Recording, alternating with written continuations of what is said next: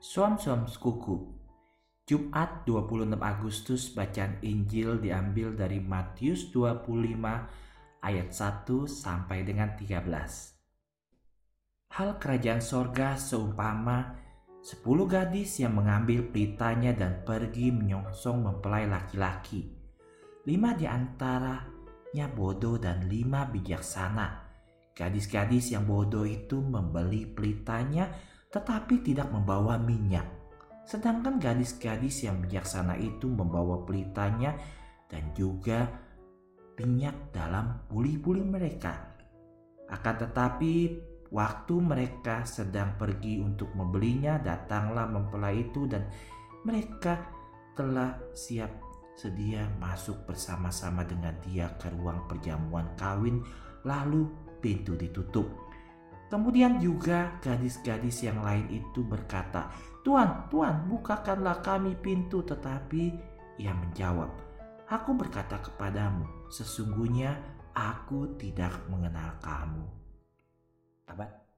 Para gadis menjadi bagian dari prosesi pernikahan dan setiap orang diharapkan membawa obornya sendiri.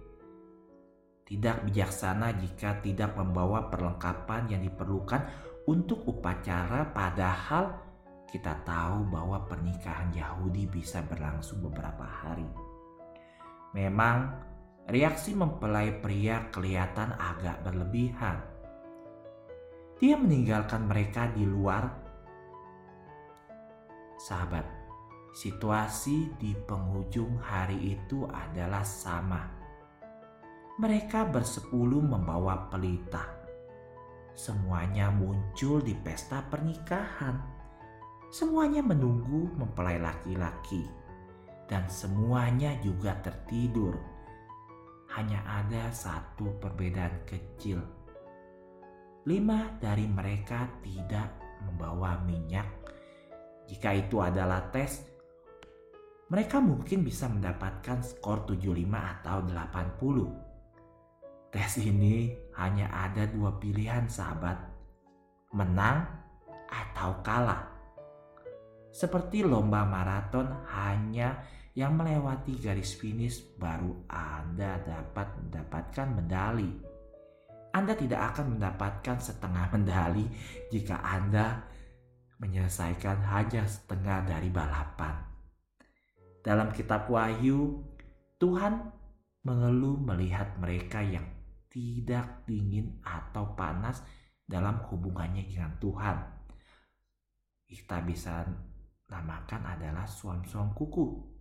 Jadi mereka hanya suam-suam kuku, tidak dingin dan tahu panas, aku akan memuntahkan engkau dari mulutku.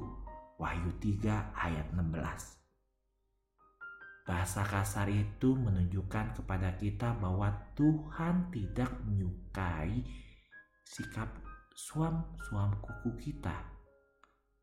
Orang yang suam-suam kuku memberikan lebih banyak tetapi tidak terlalu banyak.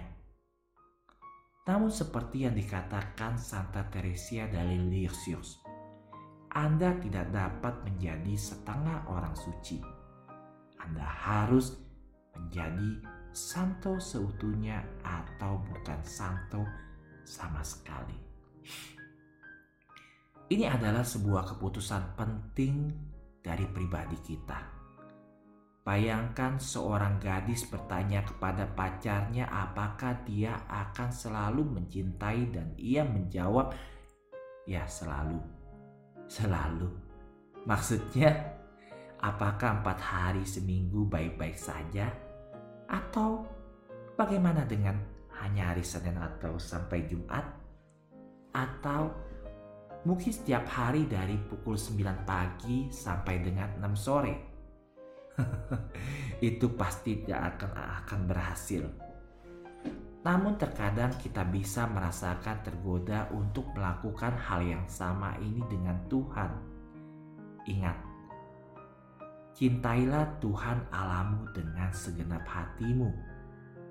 Tidak ada ruang untuk negosiasi.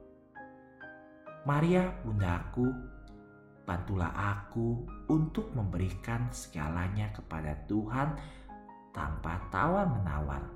Bunda Maria harapan kita dan tata kebijaksanaan, doakanlah kami.